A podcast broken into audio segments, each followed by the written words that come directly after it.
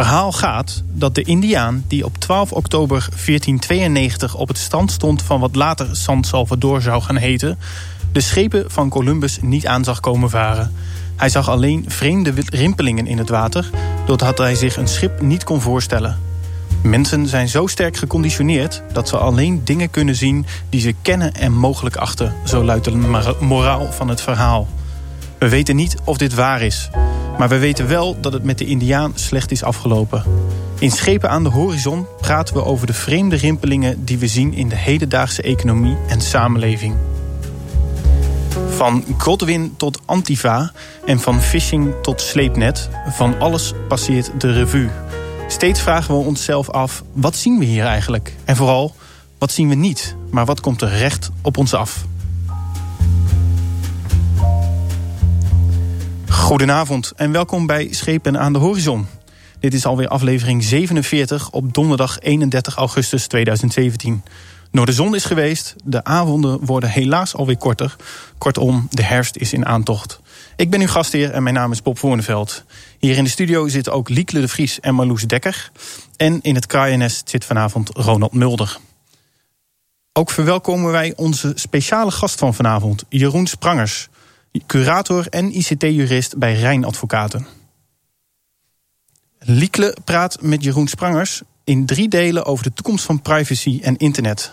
Eigenlijk dus over onze toekomst. Ja, dat doen we inderdaad. Welkom Jeroen, leuk dat je er wilt zijn. Dank je.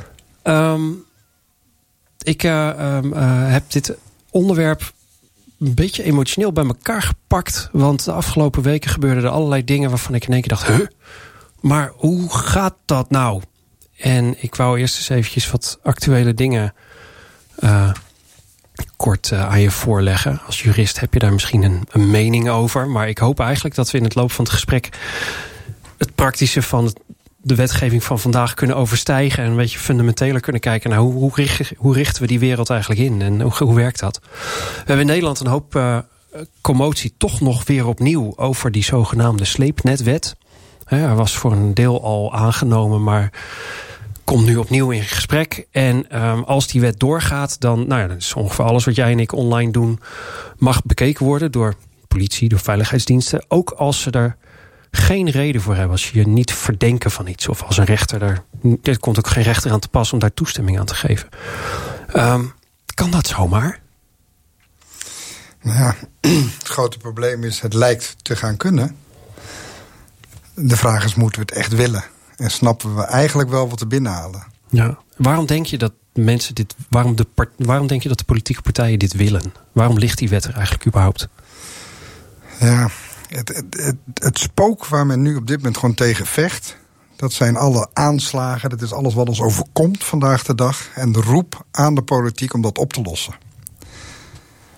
En dat is een hartstikke moeilijke discussie onlangs weer, eh, komt vaker in, in, programma's voor, hè, maar dan wordt er gesproken, jongens, in de jaren zeventig was het veel gevaarlijker in Europa. Ik heb, staat, ik heb grafiekjes gezien waarvan je denkt, nou, en ik herinner me dat ook nog wel uit mijn, mijn lagere schooltijd, mijn middelbare schooltijd. Het, nou ja, er waren hele, hele gebieden in Europa waar continu bommen leken te ontploffen en mensen werden neergeschoten. Dus wat dat betreft valt het nog wel mee. Ja, alleen we krijgen meer en meer, doordat er een opener debat plaatsvindt... dat is op sommige vlakken heel goed hoor... maar door social media is het ook vaak ongenuanceerder... krijg je de discussie op individueel niveau. Hoe verschrikkelijk het is voor het individu of anderszins. Dat accepteren we niet meer, dus daar moet, hè, dat is ook bekend... daar moet de overheid wat aan doen. Ja, en die gaat wat doen. Oké, dus dit, dit is... U vraagt, wij draaien. Ja, ik ben bang voor een deel van wel. En natuurlijk, en, dat is ook een beetje die filosofische achtergrond hè, ehm, van dit soort debatten. We zitten met een hele andere vorm van politiek ook. Veel meer korte termijn, veel populistischer. We zitten door digitalisering en social media kan iedereen wat roepen. Nou, het grootste gemene goed lijkt altijd democratie te zijn. Maar een hele grote meerderheid kan soms hele domme dingen besluiten of roepen. Ja, en in dit geval kan dit in mijn optiek wel eens een hele gevaarlijke en domme beslissing blijken te zijn. Nou, even, hè, misschien een, rare vraag, maar is zo'n wet überhaupt uit te voeren? Ah, dat, dat, is een van de grootste kritiekpunten overigens hoor. Van als je zoveel data gaat verzamelen, die je willekeurig bij wijze van spreken tot je kan nemen. Even zonder waarborgen, maar ja, dan kan ik doorstapelen. Maar even in de essentie, met zoveel data is de vraag of je door al die bomen dat bos nog ziet. Ja, is die vraag alleen maar belangrijker geworden. Nou ja, aan de andere kant, we, we horen en lezen ook regelmatig verhalen over hoe juist dankzij allerlei online informatie uh, webwinkels ons steeds beter weten te helpen. En, en nou, vandaag was er een nieuwsbrief van Bits of Freedom waarin dat nog een stapje verder uitgelegd wordt. Hè? Dat heel vaak denk je ergens zelf voor te kiezen... maar ben je ondertussen ja, genudged in de richting van een aankoop. Dus zij laten in ieder geval voor een deel zien... dat ze best heel goed kunnen handelen en kunnen omgaan met die grote bakken data. Ja. Dus waarom zou een overheid inderdaad niet hiermee uit de voeten kunnen? Nou ja, laat ik twee hele simpele voorbeeldjes geven. Graag, dat is altijd fijn. Wij Nederlanders, althans ook daar de meerderheid in... hebben het gevoel dat we een hele fijne, open, transparante overheid hebben. Kunnen we heerlijk af en toe afgeven, maar we mhm. vertrouwen hem wel. Ja. Ja, vervang onze overheid door hetzij een ander voorbeeld in dit, deze tijdsgeest. Of het nou Turkije, China of andere voorbeelden zijn. Maar, en dat is een artikel, volgens mij Stefan de Siel dat ooit geschreven... we hebben het ooit in een ander verband eerder over gehad. Wat nou als al deze kennis en data beschikbaar was in 4045? Met een andere overheid die er anders mee omging. Zijn, zijn verhaal is ook persoonlijk. Hè? Het gaat over zijn grootouders die... Um, informatie hebben of, of kwetsbaar zijn door informatie. En, en ja, dat, dat verhaal kennen we vaker. Daarom zijn er destijds ook um, gemeentearchieven in de fik gestoken... om te voorkomen dat allerlei persoonlijke data beschikbaar zou komen aan de Duitse bezetter. Ja, dat is nu niet meer te doen. Je kunt het internet niet meer uitzetten voor de bezettende macht. Oké. Nee, maar dus, dus, dus dat is eigenlijk ja, één kant van het verhaal. Aan de andere kant is het wordt zoveel data... die ga je op een gegeven moment ook op andere momenten gebruiken de gemiddelde opsporingsdienst, maar of dat nou een belastingdienst is om te bekijken of jij en ik nog wat moet betalen. Of nou, zoals recent de duo die wil gaan bekijken, woon je nou wel of niet thuis.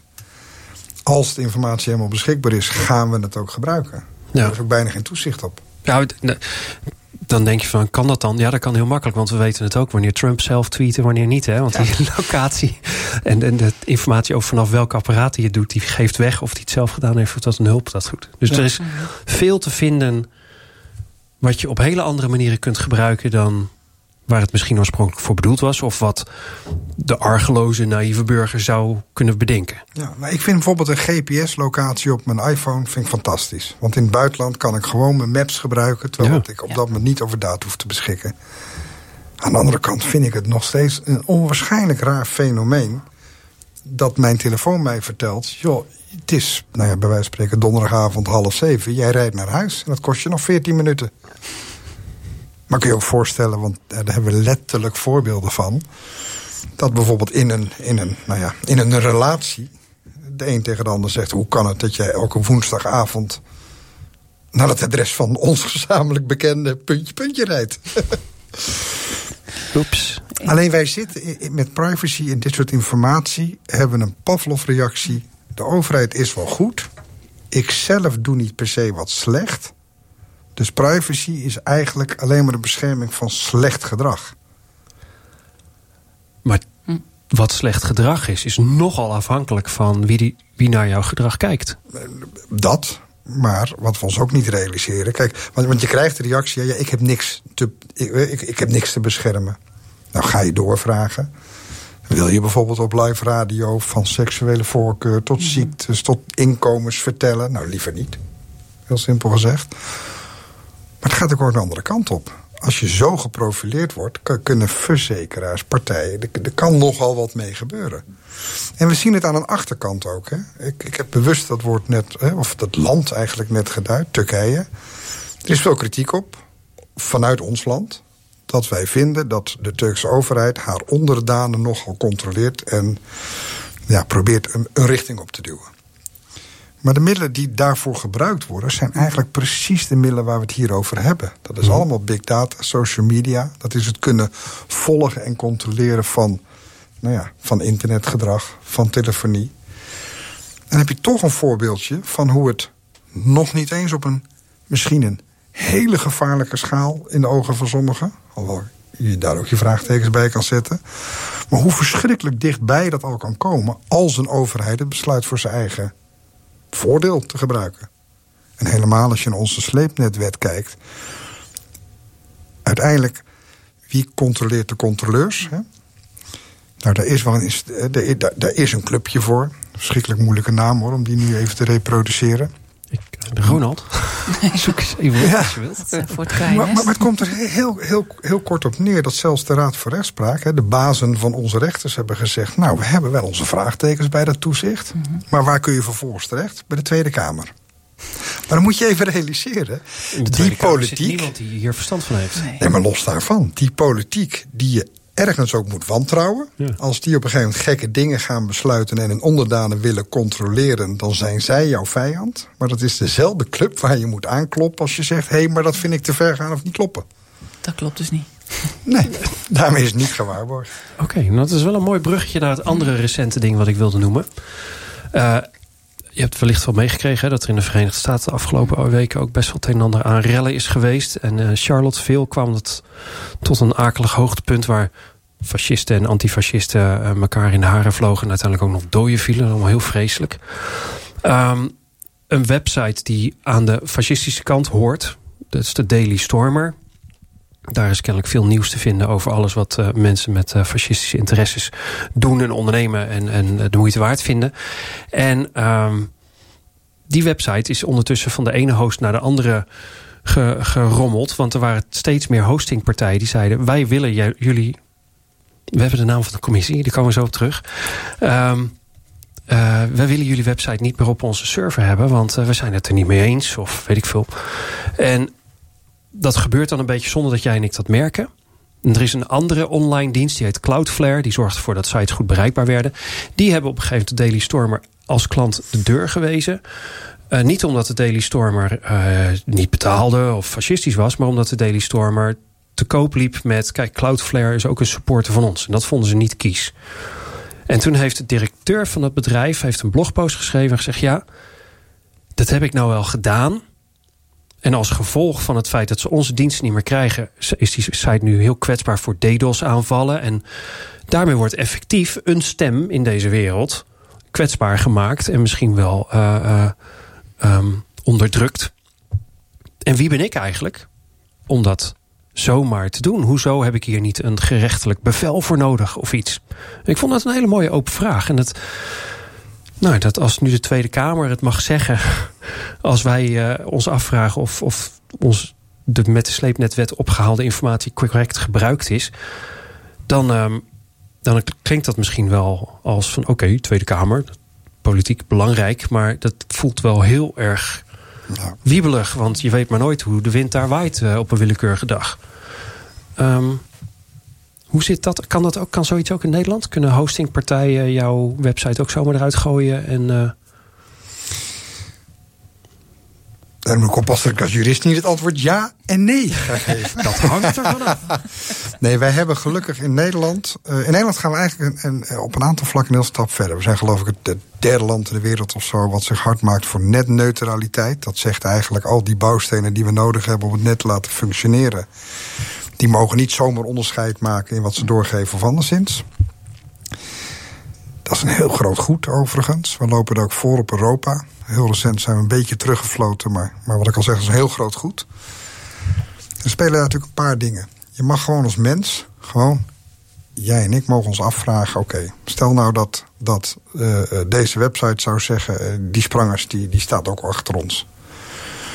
Dan ben ik het daar niet mee eens. Daar wil ik iets tegen doen. Dan kan ik eventueel naar rechter gaan en zeggen... joh, dit is smaad of laster of anderszins. Ik heb niet de macht om hun internettoegang te beperken. Het is ergens als je nou raar. vriendjes bent met de hostingpartij? Nou, het is ergens natuurlijk raar. Dat Cloudflare, dat is natuurlijk een partij... ik geloof dat bijna 10% van een bepaald segment van het internet servicen. Het is cache en compressing, dus het is alleen maar... dat je makkelijk te vinden bent en dat je wat beschermbaar bent. Laat het zo maar zeggen. Als zo'n partij dit mag besluiten... dus mag besluiten, deze staan we toe deze niet... en het voorbeeld is natuurlijk makkelijk gekozen. We waren na die events allemaal even tegen die Daily Stormer. En ik hoop terecht, hoor. Maar dat zo'n partij mag besluiten, dit past mij niet. En ook op deze gronden. Hè? Dus niet op de inhoud van wat daar gepredikt wordt. Nee, het feit dat ze er zelf in genoemd werden. Dat gaat natuurlijk heel ver. En het, en het beangstigende is, ervan is... als dat internet waar we met onze digitale wereld eigenlijk op leunen... en waar we zelfs als overheid van verplichten dat je er gebruik van maakt... middels een DigiD of een verplichte aangifte via het internet... als dat ondertussen aan elkaar hangt van onderlinge afspraakjes... ja, in mijn voorwaarden staat dat je eruit mag gooien... en ik kan 10% van de wereld internet gewoon blokkeren... dan moeten we ons met elkaar afvragen... is dat systeem niet dat we tegen kunnen houden Die illusie heb ik niet. Meestal voldoende gewaarborgd. En, en zo ja, wie zou dat dan moeten waarborgen? Nee, precies, want dan zijn, de, dan zijn partijen als Cloudflare... zijn poortwachters... Ja. die niet reageren op politiek die niet verkozen zijn in jou mee. Ja, je hebt, je, bent, je hebt gekozen om klant te worden en ze geld te geven. het is toch een ander soort relatie. Ehm, en als zij hun, uh, hun voorwaarden aanpassen, dan, uh, nou ja, dan is dat het een. Ja, maar ze hebben niet alleen een, een klantrelatie met toevallig een website die bewust voor een dienst kiest om beter vindbaar te zijn.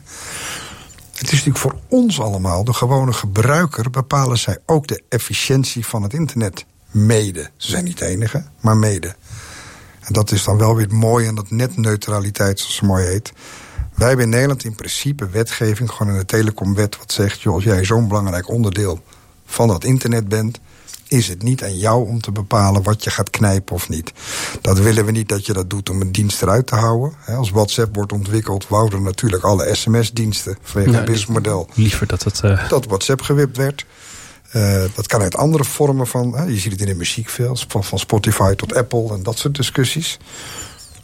Maar we willen het ook niet dat zij de scheidsrechter worden... van wat freedom of speech of vrijheid van meningsuiting eigenlijk allemaal behelst. Dus Nederland is wat dat betreft nog best redelijk af. Ja, ondanks dat we denk ik in Nederland debat op een mooi hoog niveau voeren... En dat partijen als Bits and Freedom, maar ook lokale partijen... die daar ook, ook hun steun aan, aan, aan geven...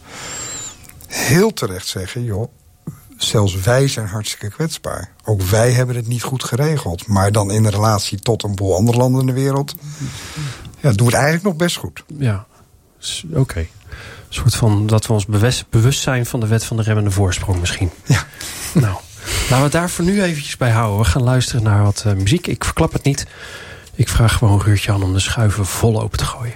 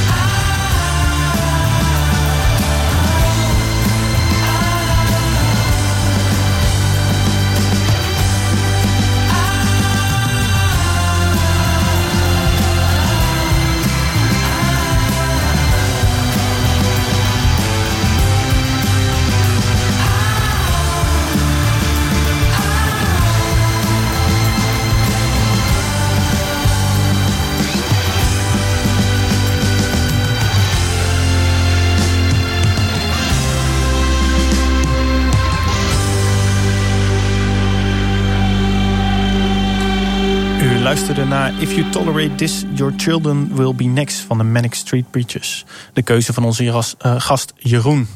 Jeroen, kun je kort vertellen waarom je voor dit nummer hebt gekozen? Ja, het is eigenlijk gewoon vanwege de titel. We zijn iets, inderdaad, een toekomst aan het bouwen waar jullie zo mooi mee aftrapten. Terwijl we inderdaad niet bij alles weten wat die ons gaat brengen. En als wij daar nu niet een aantal veiligheden in zouden bouwen, of in ieder geval heel goed over nadenken, dan zullen het zeker onze kinderen zijn die daar eh, de gevolgen van gaan plukken. Oké, dankjewel. Um, Ronald heeft nog even opgezocht hoe de commissie heet. Uh, Ronald, uh, ik verklaar. nou, ik kan het, het. Het is niet heel erg, heel erg helder. Uh, er, is een, um, of er komt een toetsingscommissie inzetbevoegdheden. Maar ik kan niet zo snel vinden door, die dan, door wie die wordt ingesteld. Volgens mij door de minister.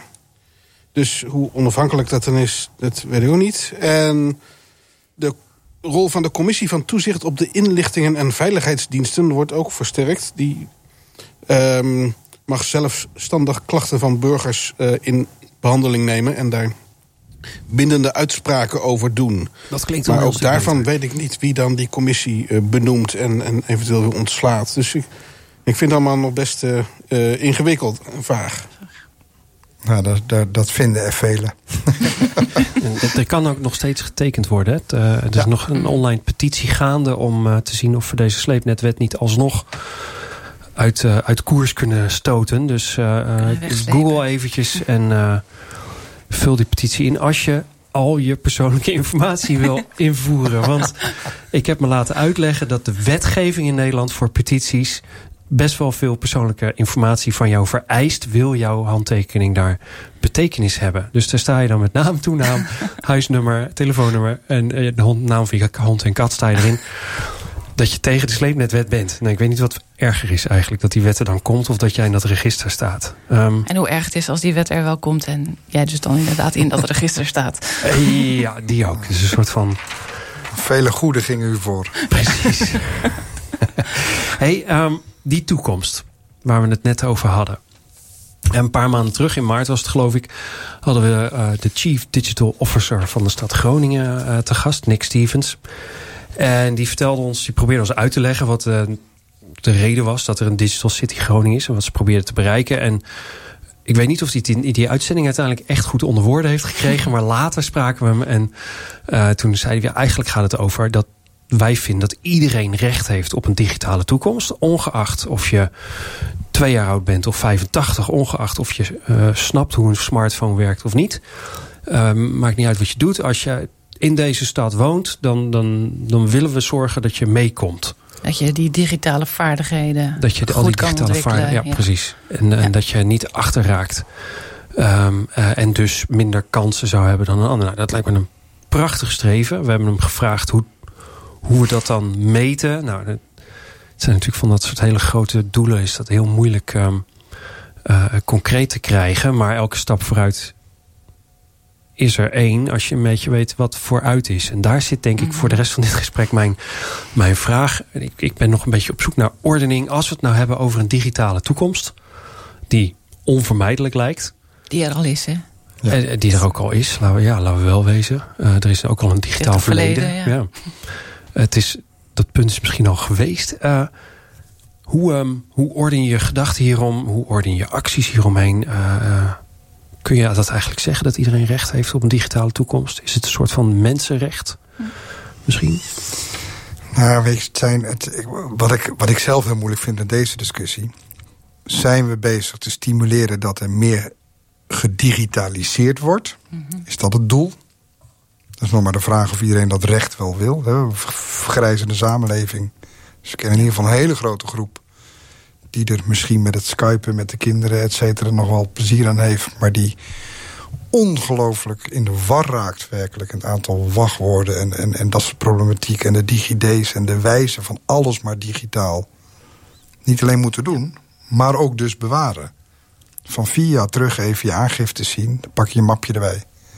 Een digitaal mapje van via terug lukt al lang niet meer bij iedereen. Nee. Je moet ook een permanente toegang hebben tot hardware, et cetera. Ja. Nou, dat is een probleem. Zeg je, we vinden dat dat er al... Dat is er ook al, hè, maar dat er al is. Maar niet iedereen kan aanhaken. Mhm. Dus we gaan mensen scholen of in staat stellen, vind ik een hele andere discussie. Er is, er is ook heel recent heel veel ophef over geweest. Ik weet niet, Vlaardingen of een, andere stad, maar die heeft gezegd: wij gaan de echte kansarmen geven wij een telefoon. Oh ja, ja. ja. En daar is dan heel veel. En, en, en wat we dan altijd in dit soort discussies doen, hè. Uh, ja, als je daarmee begint, dan. Nou, voor je het weet hebben we het of over Zwarte Piet of over wat anders. Of zoals Godwin zegt, als je maar lang genoeg blijft kletsen... gaat het altijd vanzelf een keer over de nazi's en Hitler. Maar goed, die hebben we al gehad. Die hebben we al gehad, ja. Nee, ik denk dat, dat op zichzelf vind ik het persoonlijk een mooi streven. Als er een groep is die in die digitale wereld gewoon letterlijk vanwege het feit dat ze de, nou ja, dat het zomaar uitdrukken, de hardware missen, niet kan aanhaken. Dan zul je het op de een of andere manier moeten faciliteren. Dat kan op veel meer manieren. Hè. Dat kan ook met openbare zuilen of dingen. Nou, verzin het maar. Mm -hmm. Poes is. Het lijkt alleen af en toe op dat het digitaliseren aan zich voorop staat. En, mhm. en wordt gezien als het hoogste doel. En als ik een klein bruggetje mag maken naar bijvoorbeeld automatiseren. We hebben een twintig jaar van automatiseren achter de rug. Waarbij het uiteindelijk niet eens meer ging om automatiseren, maar om digitaliseren en zoveel mogelijk aan elkaar knuppen. We krijgen een nieuwe privacywetgeving. Die is ingewikkeld, kunnen we ook nog ruim een uur over kletsen. Doen we niet. Maar in essentie komt erop neer... Hey, je moet wel weten wat er van je verzameld wordt en hoe... en ze moeten niet alles zomaar mogen doen. Terwijl het in 20 jaar automatisering alles aan elkaar zijn gaan linken. Elk programma wat we zijn gaan bouwen... ziet erop dat je op de gekste manieren informatie met elkaar kan combineren. Maar ook gevaarlijke manieren en vervelende manieren. Maar dat is toch oud en achterhaald. We hebben ooit jaren terug... Uh, toen werd er het een en ander geautomatiseerd op het gebied van de gezondheidszorg.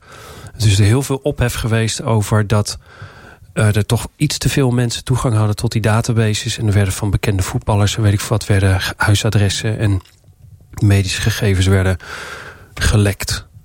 dat is toch wel opgelost ondertussen. Nou, nou, nou, nou, moet ik er hardop bij lachen, anders ziet niemand mij lachen. Maar uh, uh, ja, was dat maar zo.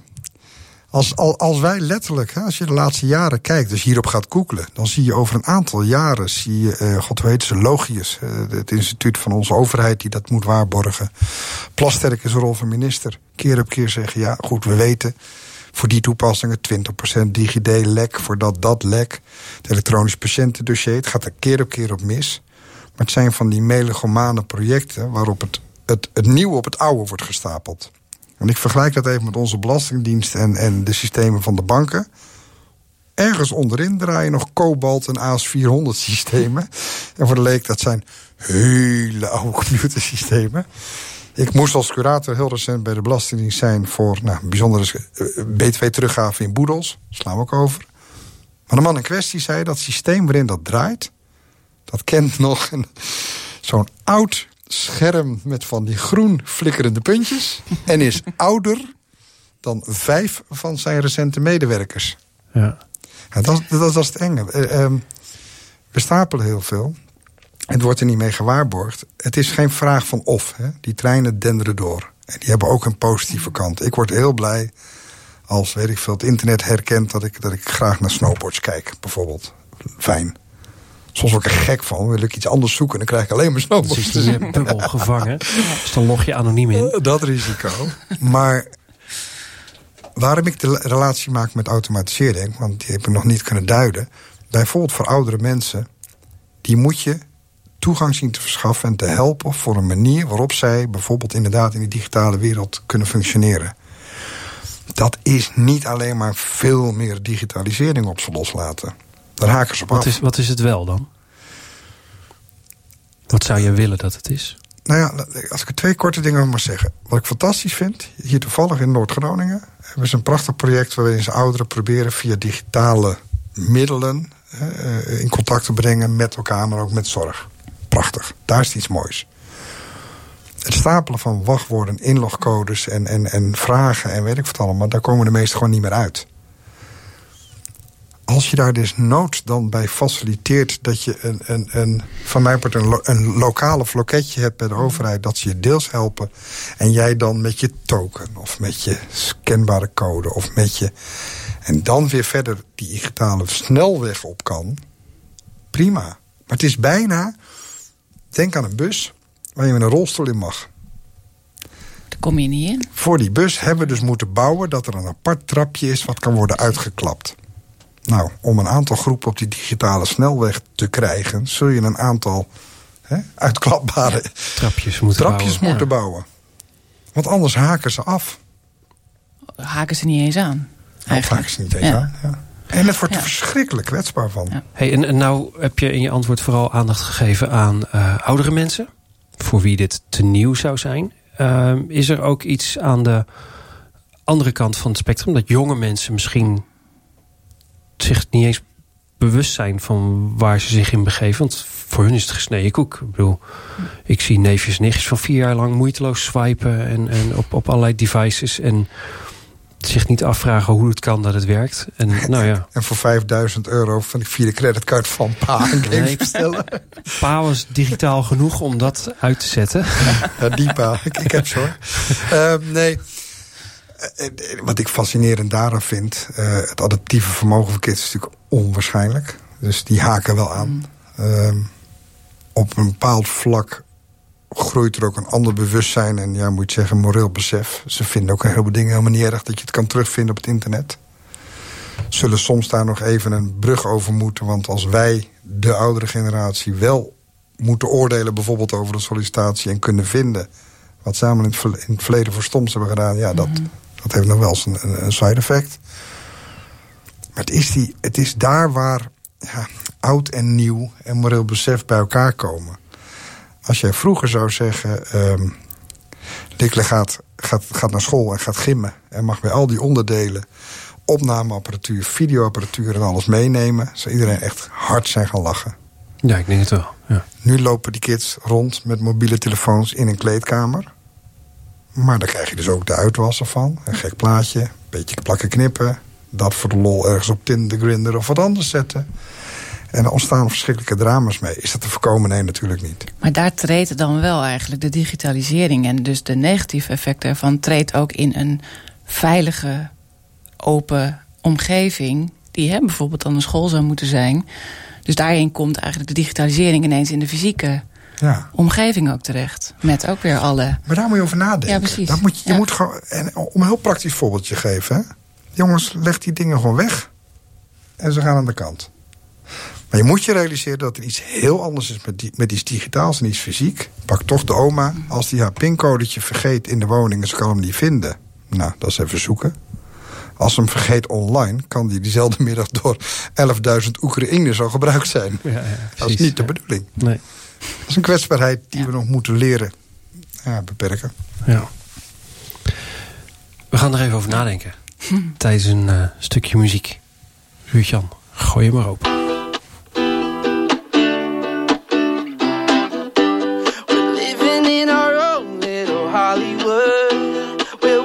up stars, everything's gonna be good.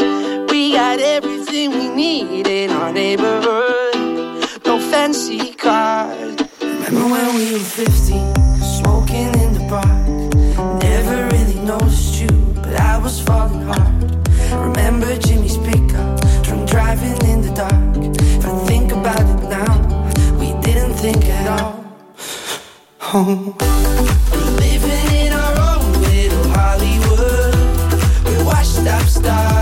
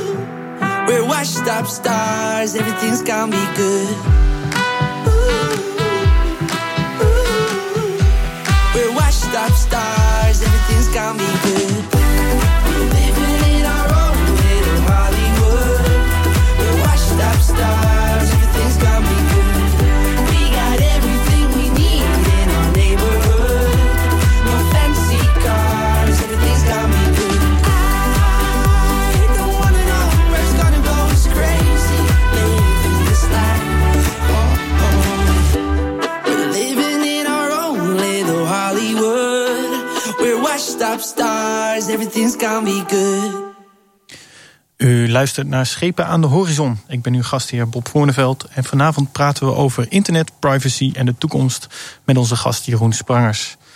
Tweet gerust mee met hashtag SADH, eh, en bezoek onze website op sadh.nl. Daar kunt u ook alle vorige afleveringen terugvinden. Eh, Jeroen, we luisterden net naar Little Hollywood eh, van Alle Farben. Kun je vertellen waarom je dit nummer hebt uitgekozen? Ja, we zijn gewoon net op vakantie geweest. En de kids bleven dit draaien. Een gezellig nummer. En dat geeft natuurlijk een beetje dat knussen weer. Dus ik denk, ik vond het gewoon een heerlijk nummer. Uitstekende reden. Ik stond ook nog even lekker mee te dansen. Precies. Ehm, ik vond het mooi zoals je het net zei van nou... als we het nou hebben over mensen toegang geven tot die digitale wereld... dan is er nog een hoop mogelijk. Ehm, ik was een tijdje geleden bij eh, eh, een zekere eh, dame van leeftijd, op leeftijd... Die, eh, die ik moest helpen bij eh, wachtwoorden. En die bleek ze overal opgeschreven te hebben. Hetzelfde wachtwoord ook telkens keer op een andere plek. Dus die heb ik geholpen aan een password manager. Dat lijkt vrij goed te gaan. Dus ik heb er denk ik geholpen met ietsje veiliger toegang hebben tot digitalisering. Of digitale omgeving. Uh, maar stel dat die password manager een dienst bevat die haar waarschuwt wanneer een bepaalde site gehackt is geweest en, en alle wachtwoorden daar uh, gelezen zijn, dan vraag ik me af of ze dat bericht begrijpt en of ze het vertrouwt. En eigenlijk is die password manager is natuurlijk een, gewoon een commercieel product. Dus dan hebben we het weer een, over een poortwachter die. Waarvan je ook niet weet wat hij Waarvan je eigenlijk ook nee. niet weet wat hij doet. Of hij, of hij het wel allemaal zo veilig voor je bewaart. En, en je, uh, nou ja, het zal, het zal een goede eer te na zijn, hoop je dan maar. Maar um, ja, er zit verder geen toezicht op. Ze staan niet uh, rechtstreeks onder uh, een of andere uh, wakend oog van een onafhankelijke instantie. Ja. Mm -hmm. Hoe, hoe richt je dat dan in? Wat zijn goede stappen om mensen verstandig toegang te helpen geven tot de digitale wereld? Nou, laat ik vooropstellen, juist als jurist, met regels red je het niet. Regels zijn altijd achteraf en repressief, daar heb je het niet aan. Soms helpen ze een klein beetje om ervoor te zorgen dat mensen zich realiseren: hé, hey, frek, als ik dat doe, krijg ik mijn donder. Soms werken ze andersom. Hè. Men, men is niet met z'n allen in een elektrische auto gaan rijden. Zuiver vanwege het milieu, maar vooral vanwege de BTW-aftrek. of wat is het, hè, de eigen ja, bijdrage. Ja. Maar goed.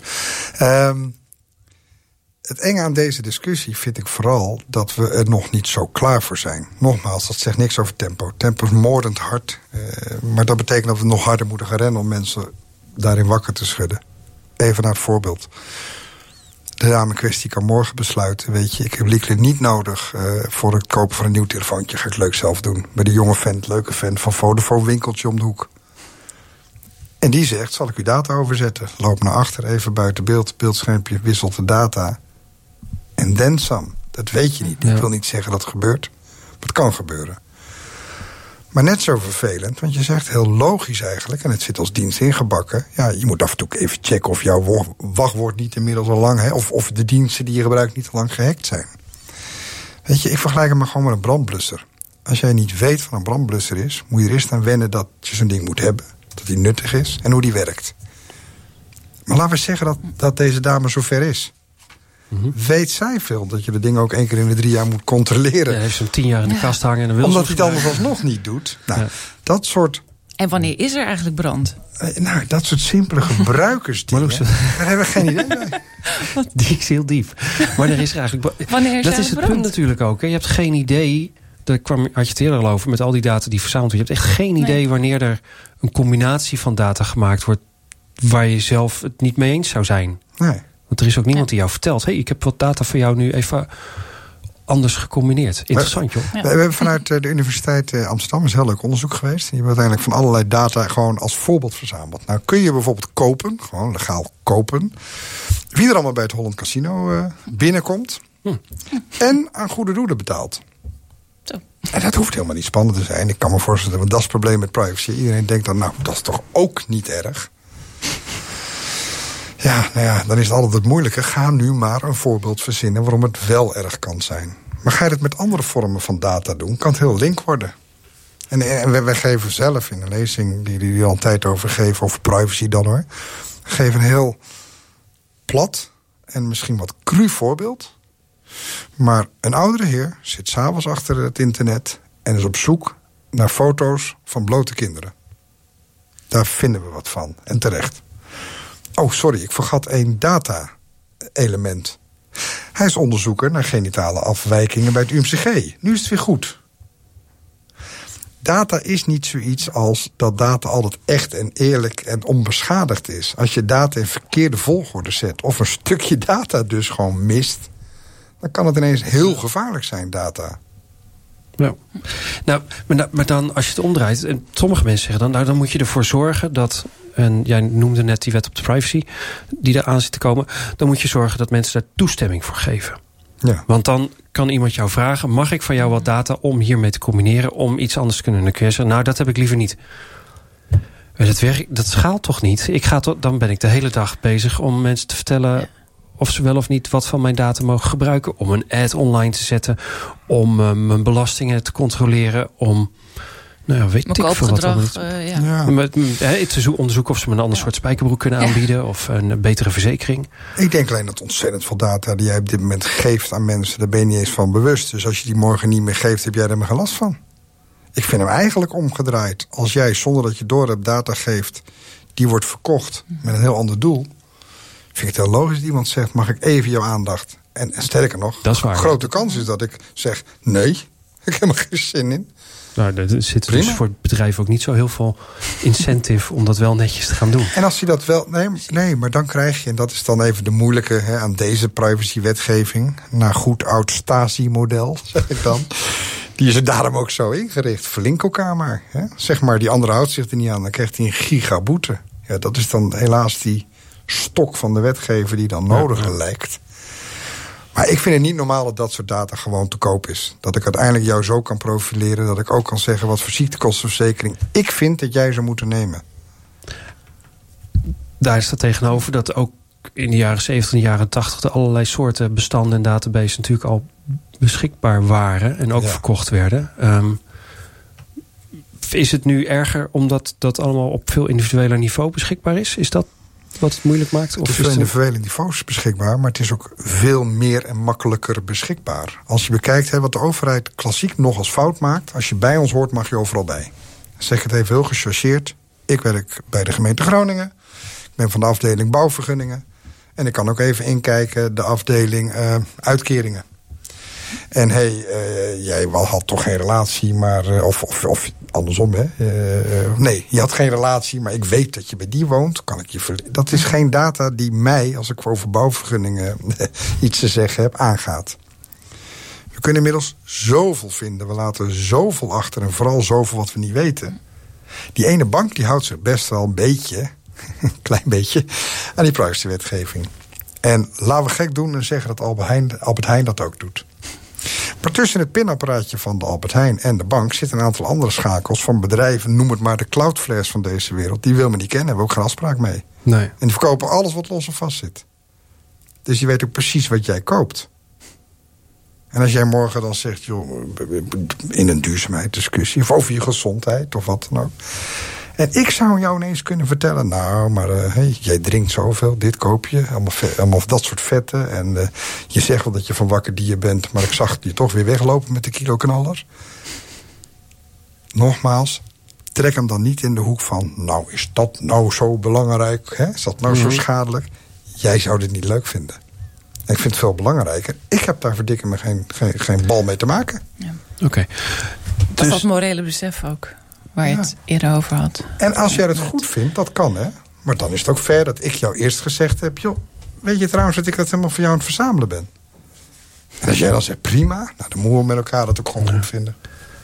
Nou, ik, ik snap wat je net zei over dat hè, als ik het nu toch al lek, al die data, dan ga ik het niet missen. Als, het, als ik het niet meer lek, want ik had het toch al niet door. Ik ben toch benieuwd hoe dat dan gaat met de toestemming geven. Want ik denk dat zelfs iemand die eh, oprecht toestemming vraagt voor een toepassing, mij niet kan beloven dat er niet ook later nog een keer iets anders mee gebeurt... als weer iemand anders zich met zo'n dataset bemoeit. Dus dan, dan moeten we gaan encrypten en sleutels geven met, met een tijdsduur, een geldigheidsperiode of weet ik wat. Het, het heel technisch allemaal. Daar ga ik al die mensen niet mee helpen eh, bij Nee, het stappen in de digitale als we wereld. uiteindelijk willen weten, even los van, van hoe de verzekering daar later mee omgaat... maar dat ik wat chippies koop, vind ik helemaal niet zo erg. Maar dat ik die andere moeilijke technische stappen die je net noemt... mag vereisten als het gaat om nou, bijvoorbeeld mijn medische gegevens... dat vind ik toch wel van belang. En als blijkt dat het ziekenhuis er zoveel mee omgaat... maar bij wijze van spreken de fabrikant van eh, de röntgenapparaten... dat gewoon onversleuteld via het internet verstuurt... dan helpt dit soort wetgeving wel dat die partijen zich beginnen te realiseren... hey, vrek, wij zijn ook een, een, een, hè, een, een sleutelrol in deze Ja. verstrekking van data. Daar moet wat mee. Weet je, het, het grootste probleem is... we gaan steeds meer dingen normaal vinden om te delen. Daar is ook niks, niks op tegen als we het ook echt vinden. Het grootste probleem is, wij hebben gewoon geen flauw idee wat er allemaal Hoe zou we al gedeeld hebben, ja precies. Ja. Ja, het is, en het is al gebeurd. Dan nog een laatste vraag. Ehm, al die automatisering, al die digitalisering, die wordt gemaakt. Er zijn mensen die dat programmeren. Kunnen we die dan niet ook nog langs een meetlat of een toets of een controle leggen? Kan het niet zo zijn dat iemand straks een mbo of een hbo diploma programmeren haalt? Ik sla het even plat. Um, maar pas een baan krijgt als hij ook uh, moreel ethisch verantwoord diploma heeft afgesloten. Of, of alleen maar technologieën gebruikt die dit soort privacyvriendelijke oplossingen bijvoorbeeld ondersteunt. Zou het, Ja. Is dat haalbaar? Want de wereld kijk- is nu dus ook al vergeven van mensen die die systemen bouwen. Die dat allemaal mm, als gatenkaas maken soms. Of het haalbaar is, je moet het altijd zo zien... als je het 5% verbetert, is het verbeterd. Echt haalbaar als sluitend krijgen, nooit. We hebben ook eh, politieagenten die stelen. We hebben banken, nou ja, banken stelen wel vaker. Hele andere discussie. Maar je snapt wat ik bedoel? Ja. We hebben een heleboel dingen die we niet helemaal perfect kunnen maken. Maar het is natuurlijk wel fascinerend dat er een hele groep mensen is... waar je vroeger, weet ik van metselaren hebt... zo zie ik een beetje de IT'ers van deze tijd... Die, die bouwen deze systemen allemaal voor ons. Die kijken ondertussen overal in mee. Daar heb ik veel mee te maken. Want dan zit ik bij, dat soort, hè, bij IT-bedrijven, doen IT-recht, dus ook contracten. En dan willen ze je nog wel eens moet- Heb jij zin om even te kijken in wat onze klant bouwt of doet of wat dan ook? En voor je het weet zit je in het profiel te kijken van iemand of in de gegevens van iemand.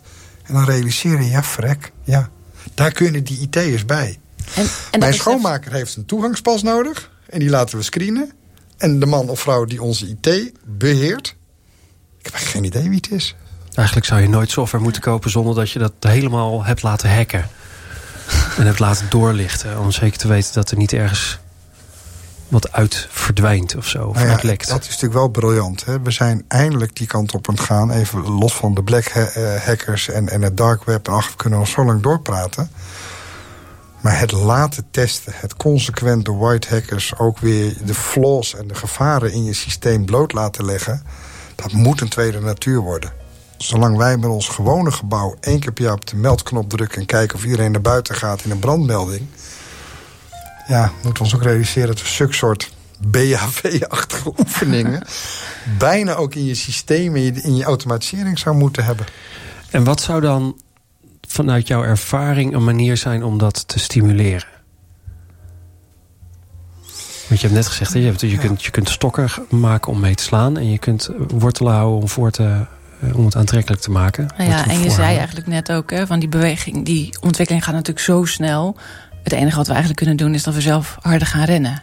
Ja, en dat houden we niet vol. Nee. Nee, nee, ik wou zeggen, dat, dat schaalt niet. Dus je Nee, wil, Ik, ik geloof in dit het positief belonen. Ik geloof er oprecht in. Hè, wat we aan de ene kant met white hackers eigenlijk al doen... maar in Nederland nog best ook kinderachtig in zijn. Je moet eigenlijk zeggen... joh, als jij een echte fout in mijn software of mijn systeem... of mijn wereldje ontdekt... meld het me dan, dan beloon ik je. Want dan zal het namelijk goedkoper dan als het mis is het te herstellen. Nou, wij hebben nog steeds de neiging dan een aangifte te doen. Helemaal fout. Want er was wel inbraak gepleegd. Ja, ja. Maar je moet eigenlijk, je moet in systemen inderdaad, je moet misschien ook gaan zeggen van joh, wij kiezen als aanbesteder niet diegene die weet ik wat het goedkoopst kan, of het grootste is, of het dit of het dat. Nee, degene die dat soort veiligheidswaarborgen gewoon het beste doorvoert. En dat hij er zelf voor kiest, wij hebben wel degelijk ICT'ers binnen die we een beetje screenen. Je kan niet alles 100% maken. En we zorgen er altijd voor dat we dit of dat of dat doen. En we gebruiken daar juist die open source software in... zodat we kunnen delen met anderen, maar op een manier dat... die manier van denken en werken moeten we heen. Zowel de IT-wereld, die nog steeds stiekem ook best graag maatstofwerk maakt... zodat ze het van hunzelf kunnen houden en heel rijk kunnen worden... als de gebruikers. Ja. En, en, en werkt dan toestemming? Joh, ik sta hier al drie jaar lezingen over te geven... in de gekste zalen voor huisartsen landelijk... tot je kan het zo gek niet verzinnen. En ik heb een Apple iPhone. dus ik heb gewoon, voor ik dat ding kon aanzetten... zetten, moeten zeggen... ja, Apple en meneer Trump... en volgens de sleepnetwetgeving ook... Hè? Rutte, jullie mogen allemaal meekijken wat ik doe. Dat is toch een gek voor woorden. Dus misschien hebben we ook wel. Ja. Nederlandse smartphonebouwers nodig. Eh, Net zoals we Nederlandse clouddiensten nodig hebben. Zodat die wetgeving... Ja. Oké, nou dat is een mooie oproep. Zelf meer bouwen. Weet je, wij, wij hebben, oh god, dan ben ik het zelf de naam nu even kwijt. Het programma wat, wat zeg maar de helft ook van de overheid gebruikt... waar je iets uploadt en dan haalt een ander het weer af. Eh, Amerikaans programma. WeTransfer? Dropbox. Eh, Dro- Dropbox. Dropbox, ja. nou, dat is als voorbeeld gewoon hartstikke illegaal onder onze eh, privacywetgeving. Want ik, ik upload het naar een land waar gewoon de buitenlandse mogelijkheid mag meelezen. Hè? Dat is fout. Misschien Maar er zijn wel zinnig goede Nederlandse alternatieven voor. Noem er één. Ja. Ja, Ik weet er één. Stack van eh, IP. Wat erg dat, dat, je- dat, we, dat we dan nu dat Maar niet kunnen ik, gelukken. eh, Ik eh, ga jullie onderbreken, want we eh, moeten gaan afronden. het nieuws komt eraan. Ja. Eh, dit was Schepen aan de Horizon, aflevering 47 alweer. We hopen ook eh, dat jou... Sorry. Ehm, bedankt voor al onze partners. Eh Oogradio, Voice Telecom, Warpnet en Studium Generale.